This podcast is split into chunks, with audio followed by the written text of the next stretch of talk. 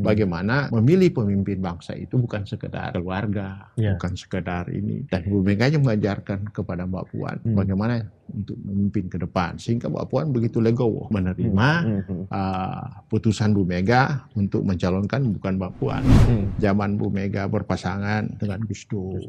Pak Azim juga. Ya toh, habis Gus Eh, Dur dengan Wah, Hamzah. Hamzah, itu Hamzah. NU juga. Iya. hmm. Semua terus uh, Has- Hasim iya, Musadi itu NU juga, ya kan? Hmm, hmm. Uh, pas Pak Jokowi juga, Pak Iya. Yusuf Kala NU juga.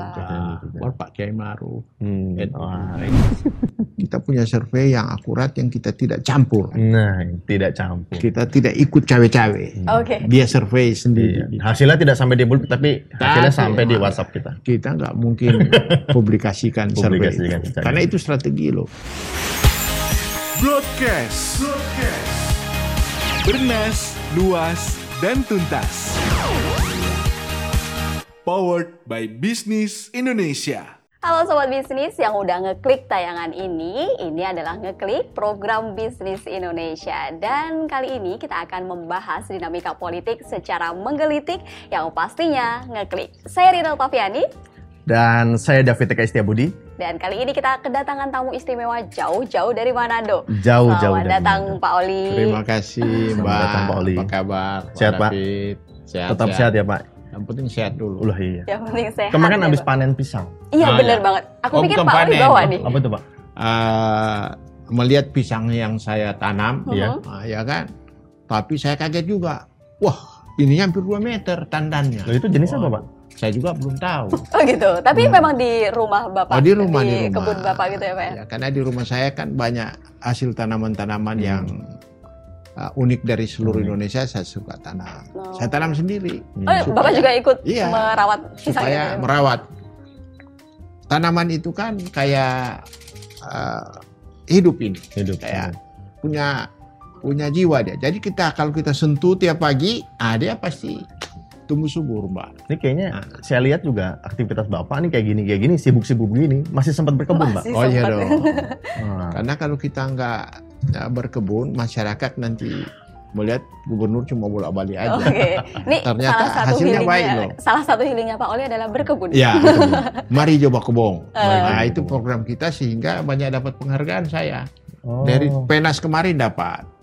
Kabupaten kota juga dapat apa? Mhm. ah, peneng-peneng piagam dari Pak Cocok. Presiden. Nah ini udah udah spill kisi-kisi Iya. menteri mendatang sektor apa ini? Iya, Ah, bener nih. enggak, Tapi karena Sulawesi Utara tanahnya subur, Mbak. Oh. Subur. Ya kan? Pak, ini kan tahu fungsi dari pengalaman di Manado. Subur. Kita taruh apa aja pasti bertumbuh. Jinawi. Tapi harus dikelola dengan baik Ya. sehingga aksinya maksimal Mhm. mendapatkan nilai ekonomi yang tinggi. Dan itu terbukti.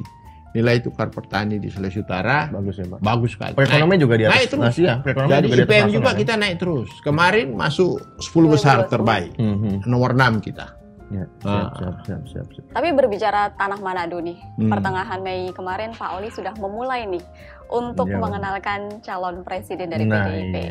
Ah, itu. membawa Ganjar Pranowo. ke Ini kalau Ganjar. kalau ada sobat bisnis yang belum tahu, selain jadi eh, gubernur Sulawesi Utara yang gemar berkebun, Pak Oli juga bendahara umum Selama tiga periode, tiga periode, Pak ya? Tiga periode. Ini ngalahin Pak Jokowi loh. Bener, Pak Jokowi dua periode, tiga periode.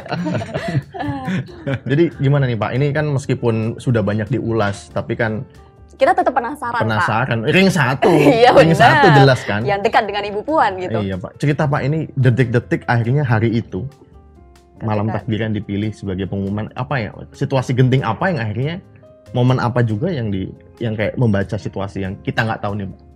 Tampaknya tidak ada yang genti, tapi hasil kontemplasi Ibu bahwa tanggal 21 itu tanggal yang baik. Hmm. Ya karena itu hari perempuan. Hmm. Oke. Hari Ibu toh? Ya, Ya. hmm, hmm. Hari Ibu. Nah, PD Perjuangan ketua umumnya Bu Mega. perempuan. Ketua DPR dari Perjuangan juga perempuan. Ya, ya. Jadi di sinilah ah, hasil kontemplasi Ibu bahwa tanggal 21 Mei itu paling pas untuk deklarasikan calon presiden Hmm. dari PD Perjuangan. Dan kebetulan seluruh warga Indonesia lagi berkumpul juga ya, Pak ya. Lagi ber- Jadi itulah hasil-hasil kontemplasi itu kita nggak tahu padahal orang lagi di rumah rupanya semua kan berdiskusi. Nah, jadi ini jangan Iya. Jadi Ini diskusi diskusinya. jangan Pada saat- diskusian. Ya, Pauli diskusinya jadi bukan ketupat, tapi Iya. capres, capres. Ya Capres. itulah. Nah, tapi Kadang-kadang itu datang sendiri loh. iya, Iya betul kan? betul. Kalau mau juara biasanya begitu. Oh gitu. Tapi ngomong-ngomong soal juara nih Pak, kan tadi dua perempuan yang akhirnya gimana ceritanya akhirnya kemudian legowo untuk memilih Pak Ganjar untuk kemudian memberikan kesempatan kepada Ya, Ganjar. kan kita sudah dengar lah Pak soal inilah. Ya, itulah hasil dari apa uh, seorang ibu negara dan ibu bangsa sebagai ketua umum partai. Kalau ketua umum partai paling terlama. Jadi dia udah belajar apa asam garam yang sangat banyak. Hmm. Dan Ibu Mega itu belajar politik kan dari guru bangsa kita, Bung Karno. Itu secara langsung dia belajar. Ibu Mega itu umur 14 tahun sudah ikut sidang apa? Diikutkan sidang secara resmi di Asia Afrika, ya kan? Ya. hmm. Nah, Jadi Ibu Mega dari kecil sudah ah, apa ibaratnya sudah melihat bagaimana proses politiknya itu dan Hmm. sampai pun ah, Bung Karno dijatuhkan, Ibu Mega melihat secara langsung proses seperti itu. Jadi pelajaran politik bagi Ibu Mega ini sudah sangat lengkap. Nah, Nah bicara- inilah dalam memimpin PDI Perjuangan dari PDI ke PDI Perjuangan Bu Mega memberikan contoh bagi kita semua. Terutama bagi masyarakat Indonesia saya kira. Hmm. Bagaimana uh, memilih pemimpin bangsa itu bukan sekedar keluarga, Ya. bukan sekedar ini. Dan Bu Mega hanya mengajarkan kepada Mbak Puan Hmm. bagaimana untuk memimpin ke depan. Sehingga Mbak Puan begitu legowo menerima Hmm, hmm, uh, putusan Bu Mega untuk mencalonkan bukan Mbak Puan, hmm, hmm, hmm. uh, malah Mas Tapi Ganjar. ini yang Pak, calon tadi Bapak menyinggung soal ibu ya. Ya. Satu-satu pernah jadi eh, kepala negara, Ya. ketum partai, bagaimana perjuangan dari PDI menjadi PDIP kita tahu sendiri Pak. Tetapi eh, juga santer sebelumnya ini kan Mbak Puan kan jadi calon kuat gitu. Nah proses akhirnya memilih ini perenungan ini eh, Bapak dapat informasi share Pak. Ya artinya kan gini, itu yang saya katakan tadi. Selalu kan ibu belajar pengalaman yang lengkap.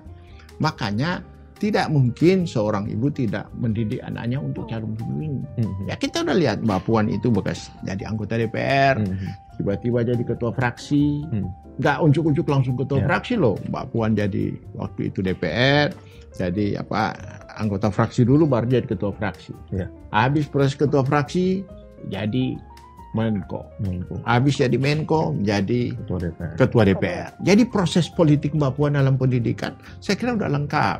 Hmm. Jadi wajar semua orang uh, melihat bahwa Puan calon pemimpin nasional. Nah, nah inilah hal yang orang tidak melihat bagaimana Bu Mega memilih calon pemimpin nasional. Bu Mega kan bertanya ke mana-mana, mana paling pas sebenarnya.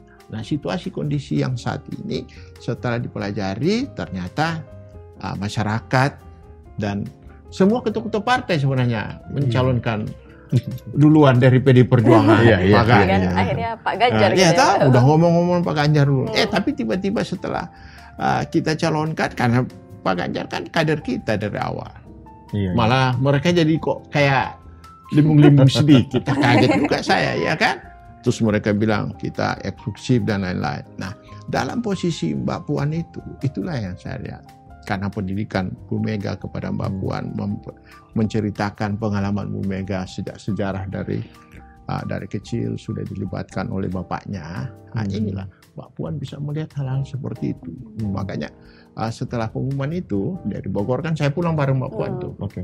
Fix legowo ya Pak? Udah Hah? legowo ya langsung sudah Iya, menerima pulang itu Mbak ya? Puan di mobil itu ah, Mbak Puan bilang, wah kok aku eh, terasa plong ya Bang. Oh gitu, Ah, malah iya, malah iya. plong ya Pak ya? Dia rasa plong menerima segala sesuatu. Ya iyalah Mbak kita Nah, habis buka puasa keluarga mereka malamnya kita ngumpul lagi ketemu saya Mbak Puan ada Mas Happy Mas Pram ada beberapa orang lagi ketawa-ketawa kita Mhm.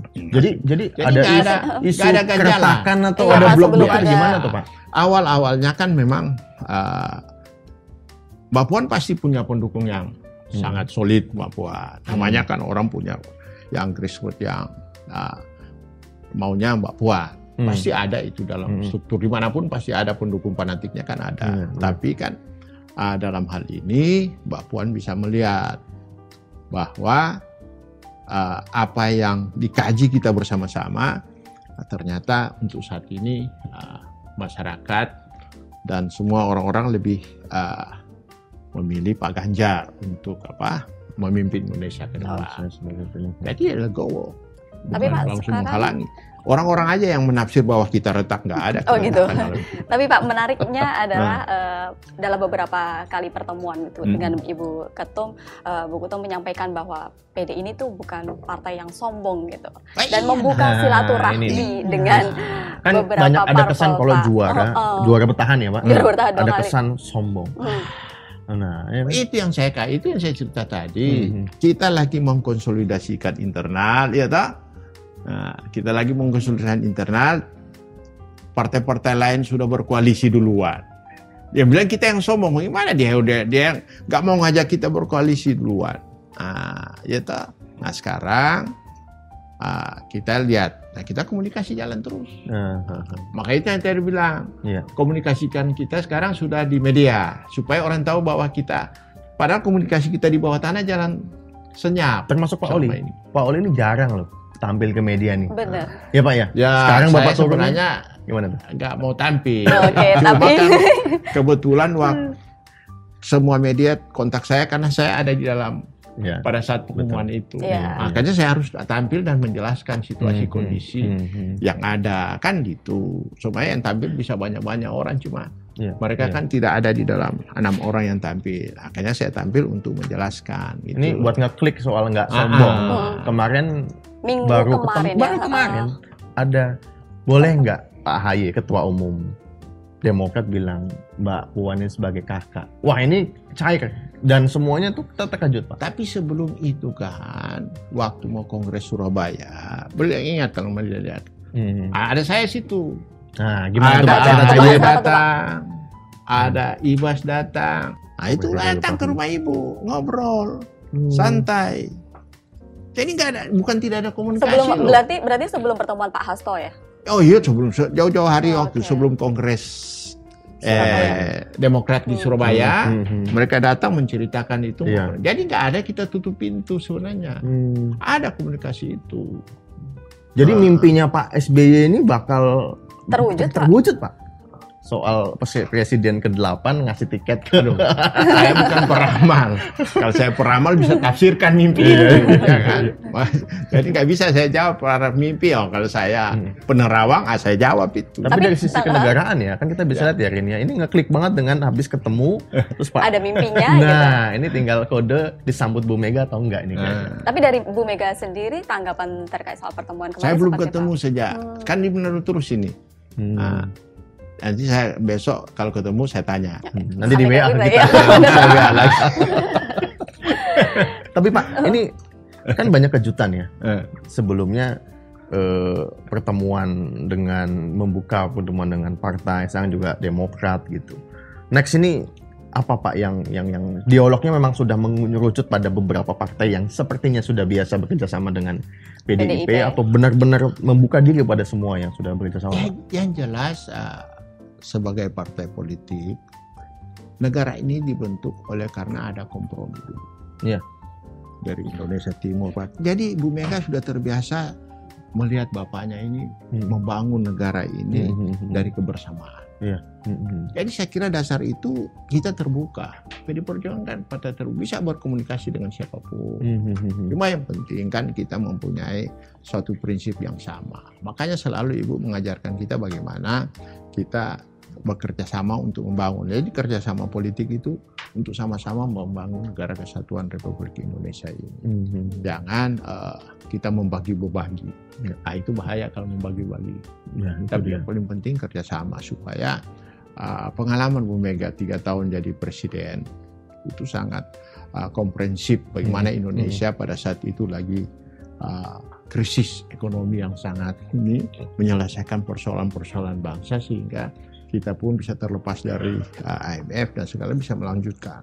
Nah Hmm. itu paling gampang orang tinggal melanjutkan. Iya, Tapi iya. dasar dasar apa melakukan satu kebijakan. Salah satu ya habis reformasi ya Pak Habis ya. reformasi itu kan kita menghadapi Gejolak. gejolak ekonomi yang sangat berat dan itu bisa diselesaikan Bu Mega dengan Hmm. baik. Tapi Pak menarik eh, ingin bertanya berkaitan soal kalau kemarin untuk mengumumkan Pak Ganjar sendiri tentu dengan kontemplasi dari Ibu Mega sendiri kan.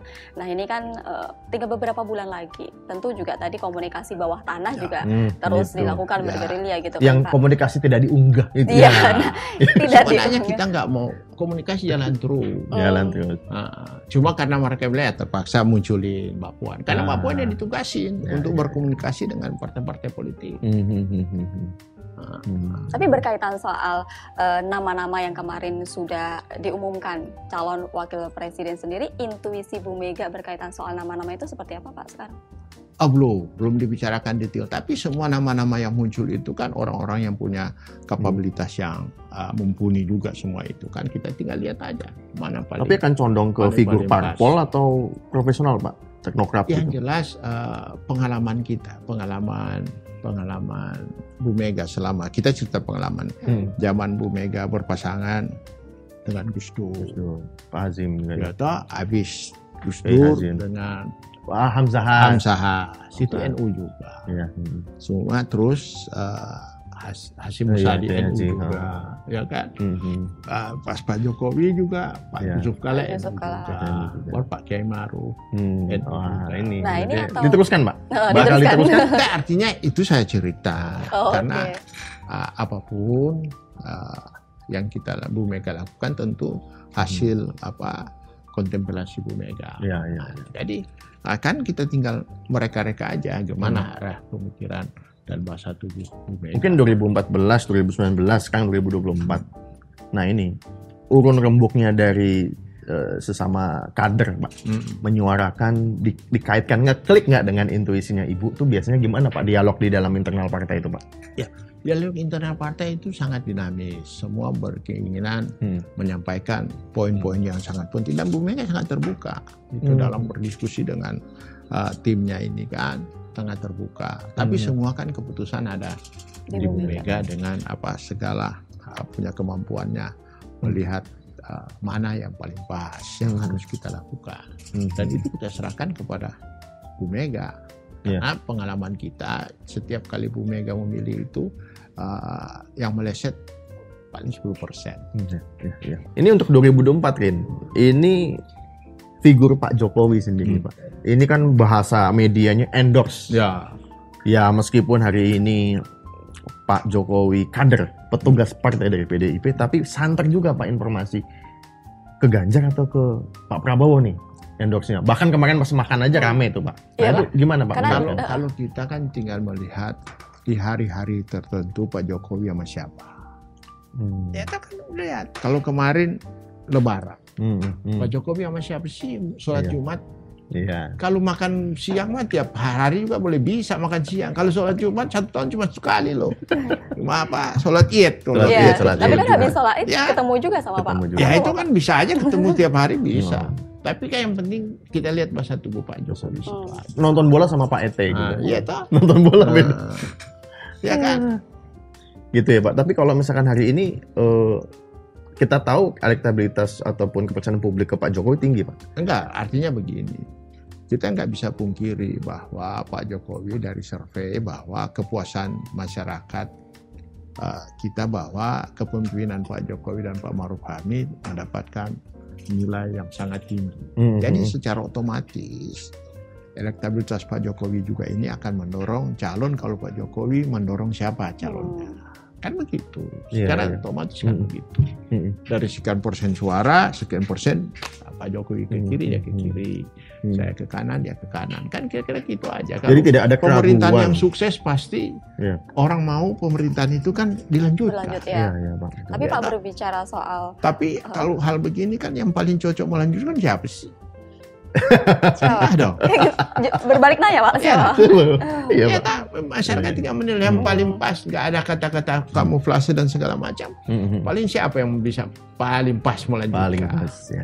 Nah, Tapi eh, untuk pendukung loyalis Pak Jokowi sendiri juga sekarang juga masih tetap solid gitu kan. Bahkan ya kemarin iya. eh, sempat Itu Mendeklarasikan satu ya. dekade tadi. gitu Pak. Saya katakan tadi bahwa karena apa elektabilitas dan pemerintahan Pak Jokowi yang dianggap sangat sukses mensejahterakan rakyat sehingga masyarakat sangat apa mengikuti apa arah Pak Jokowi mau Hmm. ke mana.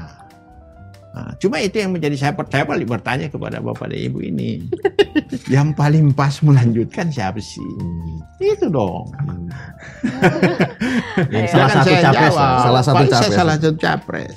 Hmm. Ya kan kalau orang ada yang orang cuma stempel-stempel. Ya. Tapi kalau kita kan bukan yang stempel dari dalam. yang mengkonsep bersama-sama. Ini udah lempar ini, lempar peluru ini. Iya kan? Tinggal lihat di situ aja. Tapi eh, rekomendasi partai lain gimana Pak? Apa aja? Antara menyambungkan, mengklikkan intuisi Bu Mega Ya, itu yang saya bilang dengan partai-partai kerja sama partai kerja sama partai ini bisa berlangsung terus dengan kita. Hmm.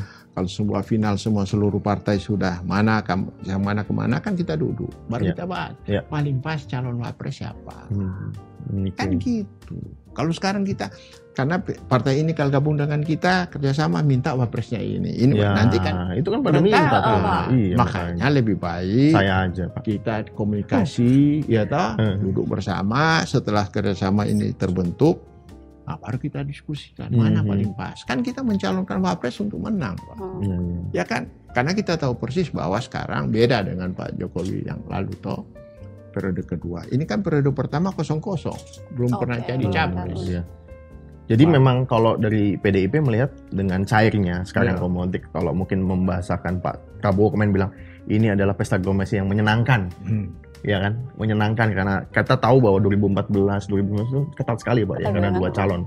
Nah ini eh, dengan koalisi ini PDIP gimana? Ada arah ingin dua calon saja atau tiga calon Pak? Oke. Dengan kom- dengan konsep Komposisi, koalisi. ya. Artinya kalau semua mau bergabung dengan kita lagi berarti tinggal dua calon. Hmm. Tapi kan kita tidak memaksakan kepada Hmm. siapa pun boleh dua calon atau tiga calon. Mhm. Pokoknya artinya kita membuka diri dalam rangka bekerja sama untuk membangun Indonesia. Oke. Tapi PDIP sendiri ingin membentuk dua calon atau satu calon? Gak ada pikiran-pikiran kita dua calon atau tiga calon. Yang kita kita tawarkan kepada partai-partai, kita tawarkan kepada masyarakat Indonesia, kita mau bangun Indonesia ke depan yang lebih Hmm. uh, maju dan lebih hebat ke depan. Seperti cita-cita Pak Jokowi kan tahun 2045 kita masuk 13 tahun lagi. 13 tahun lagi kita Ya, masuk momentum untuk menjadi Ah, maju negara. ya, Pak. Oke. Pak, tapi ketiga terbesar kan gitu. Pak ada informasi-informasi yang beredar nih. Kalau dengan uh, terpilihnya kemarin Pak Ganjar sebagai calon itu kemudian juga ada kontrak politik di PDIP yang menyatakan bahwa uh, dengan nantinya ke- ketika terpilih sebagai presiden yang akan menjadi menteri-menteri ya atas. Saya kira itu kan isu untuk mendiskreditkan PDI Perjuangan Hmm, aja supaya orang merasa bahwa PDIP mengikat uh, capres. Ya. Nah itu karena nggak bisa dipungkiri kita kan sampai hari ini survei PDIP tidak pernah turun dari bawah 20 persen. Ya, Jadi ya. artinya gini, namanya apa kompetisi, ya toh kompetisi kan nggak mungkin semua masuk finish sama. Iya, iya. Jadi kan harus ada satu. Nah, kalau ini satu mau masuk finish berarti ini harus ditahan supaya yang ini masuk. Nah caranya bagaimana caranya supaya PDIP turun tentu hal-hal yang ah, tidak ada mereka bikin ada. Hmm. Kan gitu. Nah, banyak buat apa kontrak politik oh Ganjar itu kaderisasinya dari bawah ya, mau kontrak politik apa dia udah tahu kok anggaran dasar anggaran rumah tangga PD Perjuangan seperti apa dan visi misi PD Perjuangan seperti apa ideologi PD Perjuangan seperti apa ya. Hmm. ngapain lagi bisa ada kontrak politik kalau dia kader dari luar ah mungkin kita bikin kontrak politik Iya, iya, iya. supaya dia tahu loh PD Perjuangan kamu harus lakukan ini ya Pancasila tidak boleh berubah ah begitu kali ini Pak, tapi kan. kalau kalau kita membandingkan pengalaman Pak eh, mengusung Pak Jokowi khusus yang 2014 nih Nah, sama yang Pak Ganjar hari ini eh, identik dulu Pak Jokowi kan tidak identik dengan partai ya Pak tokoh publik ya nah kalau Pak Ganjar kan ini kan eh, kental dengan PDIP-nya dari dulu gitu nah ini apa tantangannya Pak Salah. tantangannya ah, salah Pak salah. Gimana Pak tuh, Pak? Jokowi dulu itu satgas. Pernah lihat nggak Pak Jokowi pakai baju satgas? Pak Jokowi pernah pengurus PDI iya iya di Solo Jawa ya? Tengah, di Hmm. Solo. Ah. Jadi bukan tidak kader Pak Jokowi. kader tapi tidak di publik tidak terlalu Cuma di publik tidak pernah terlalu kelihatan. Iya. Kalau Ganjar kan memang aktivis Mhm. dari mahasiswa. Kalau Pak Jokowi memang pengusaha. Jadi beda sedikit aja situ Beda aja. latar belakangnya. Latar gitu ya, Pak, ya. belakangnya. mengemasnya besok untuk ini Hmm. sama pak atau tantangannya atau keunggulannya kalau bapak lihat kedua Tapi saya ini kira sama lah karena apa gaya Pak Ganjar sama Pak Jokowi nggak beda-beda jauh. Orang mau Hmm. menyapa rakyat kok. Hmm. Ya toh. Iya. Beda dengan kita. Kita kadang-kadang nggak terlalu menyapa rakyat. Tapi Pak Oli menyapa rakyat eh, Iya. di wilayah Indonesia Iya dengan berkebun tadi tuh.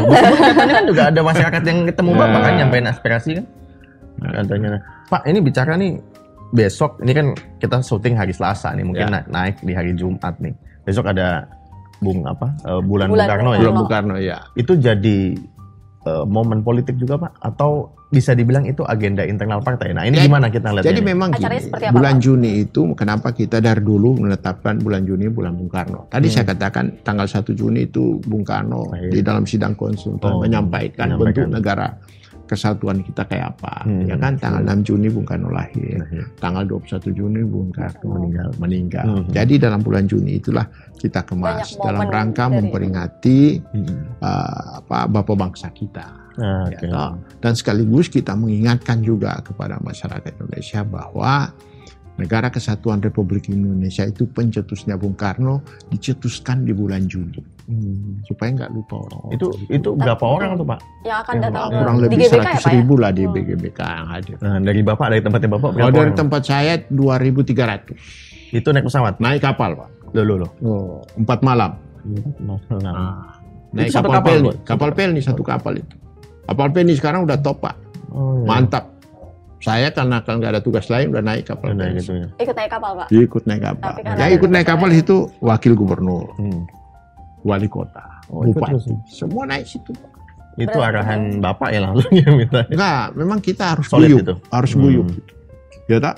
Kalau orang Jawa bilang guyup supaya solid. Solid. Nah, Tapi Pak dari kegiatan itu adalah rangkaian eh, haul dari Bung Karno Oh, iya, sendiri kan. Tapi yang ingin disampaikan ke publik dengan kemudian hadirnya Pidatonya Bu Mega, Mbak Puan, Pak Jokowi Oh, iya nanti dong. pasti ditunggu tuh Pak. Apa Oh, iya, tuh, Pak? pasti apa, apa nih? Pesannya apa untuk ah, spill-spill politiknya? ah, saya belum Ibu Mega lagi belum saya baca konsep pidato. Nanti di WhatsApp kita Ah, katanya. nanti kita ada WhatsApp. WhatsApp saya udah tanya, ah saya WhatsApp.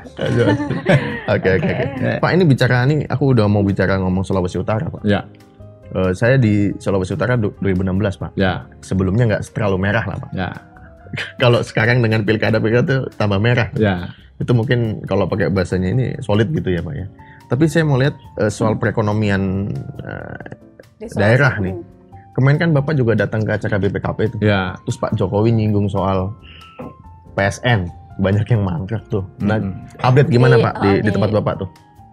Jadi eh, di kegiatan kita sebenarnya itulah fungsinya kalau tadi saya bilang bahasa Jawa guyup itu kalau kita sering Hmm.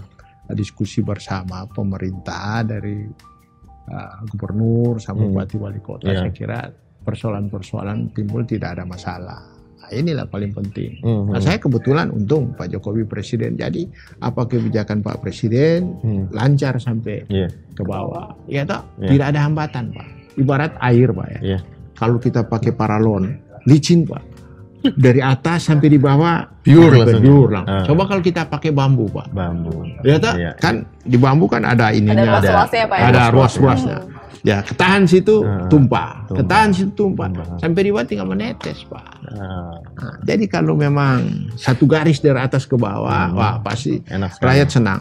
Tapi untuk merampungkan eh, di masa tugas eh, Hmm. Pak Oli sendiri yang ingin dikejar dari Habis ini ngapain, Pak? eh, Oh, habis ah, tahun depan Bapak dua periode Pak. periode habis ya? 2024 habis, Habis. sudah nggak bisa Nah, maju Bapak lagi. mau ke mana lagi? Ya udah, kita jadi petani aja lah. Iya. Petani di mana? Petani apa yang ngurusin petani? Ya, iya dong. Jadi petani sekaligus ngurus petani. Oh, ini udah ada pesannya. Pesannya udah Nah. jelas ya. Nah, Kita tunggu. Kita tunggu. Pak, ini Nah. yang apa? Kek Likupang gimana? Ini ada Kek Likupang pesanan memang menjadi satu kendala bagi kita Ah. karena memang ah, itu kan milik swasta. Beda dengan kekek yang Kek- lain kek. kan milik pemerintah Hmm. lahan.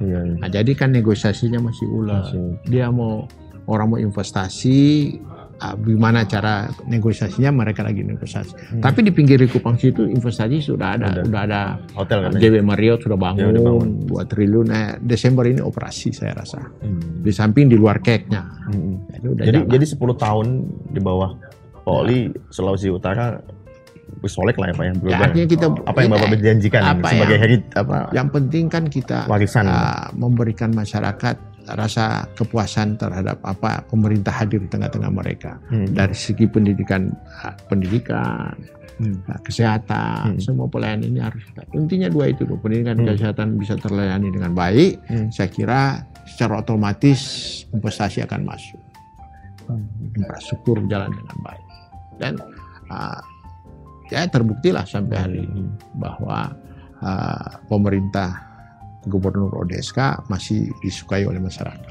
Sampai sekarang dan sampai berakhir. Nah kalau untuk Gitu habis ya. Bapak kan dua periode nih. Besok yang periode berikutnya pakai intuisi Oli Dunu Kambe atau Iya.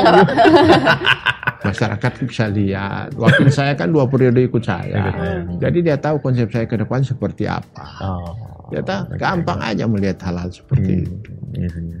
Nggak, Bisa. artinya nggak perlu ajar lagi langsung tancap gas. Mantap, ngeklik gitu ya. Langsung ngeklik. Dia ada sama Pak Oli. Gitu.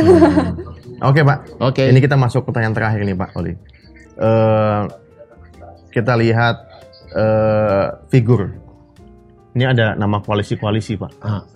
Pak Sandi dan Pak Ganjar suka lari. itu. Hmm. Jangan sampai ada nama katanya koalisi lari-lari. Ah. Nah, ya kan? Ada yang suka makan juga. Ah. Pak Erik juga suka makan. Ah, ah. Belum lagi dengan eh, pertemuan dengan Cak Imin segala Ah. macam. Nah, eh, apa yang bisa masyarakat tunggu, Pak? Pengumumannya kapan? Apakah akan sama seperti pengumuman capres untuk cawapres ini? Tapi kalau Pak Hasto nyebut Nah. September, apakah September atau justru September. bisa lebih awal?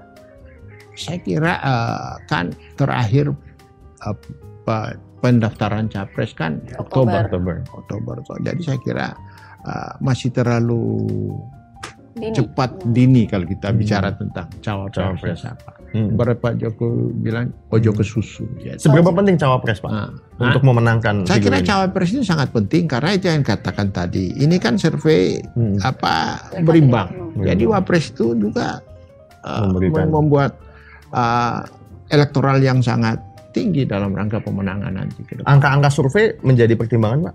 Salah satu pertimbangan. Salah satu Salah pertimbangan. satu pertimbangan. Berarti kadarnya dapat tuh Pak ya nama-nama yang disurvei itu ya, Pak? dapat lah. Tapi PDIP sendiri juga melakukan survei secara independen, Pak. Kita tuh pasti ada masa kita nggak lakukan. kita punya survei yang akurat yang kita tidak campur. gitu kan. Nah, tidak campur. Kita tidak ikut cawe-cawe. Oke. Dia survei sendiri. Iya. Hasilnya tidak sampai di bulut, tapi hasilnya Tapi, sampai di? WhatsApp kita. Kita nggak mungkin publikasikan survei. Publikasikan itu. Karena itu strategi loh. Hmm. Data. Oke. Siap. Terima kasih Terima Pak Oli. kasih banyak Pak Oli sudah bersinggah, Bersinggah ke bisnis ke bisnis Indonesia. Indonesia nih konon katanya tadi langsung dari Manado. Ya. Benar. Cuma nggak ada lalampa sampai sini. Ya. Terima kasih banyak Pak Ya, Oli terima kasih. sudah berada di Ngeklik. Ah. Sampai jumpa di episode berikutnya. Nggak klik. Naik klik. Iya. Terima kasih. Thank you.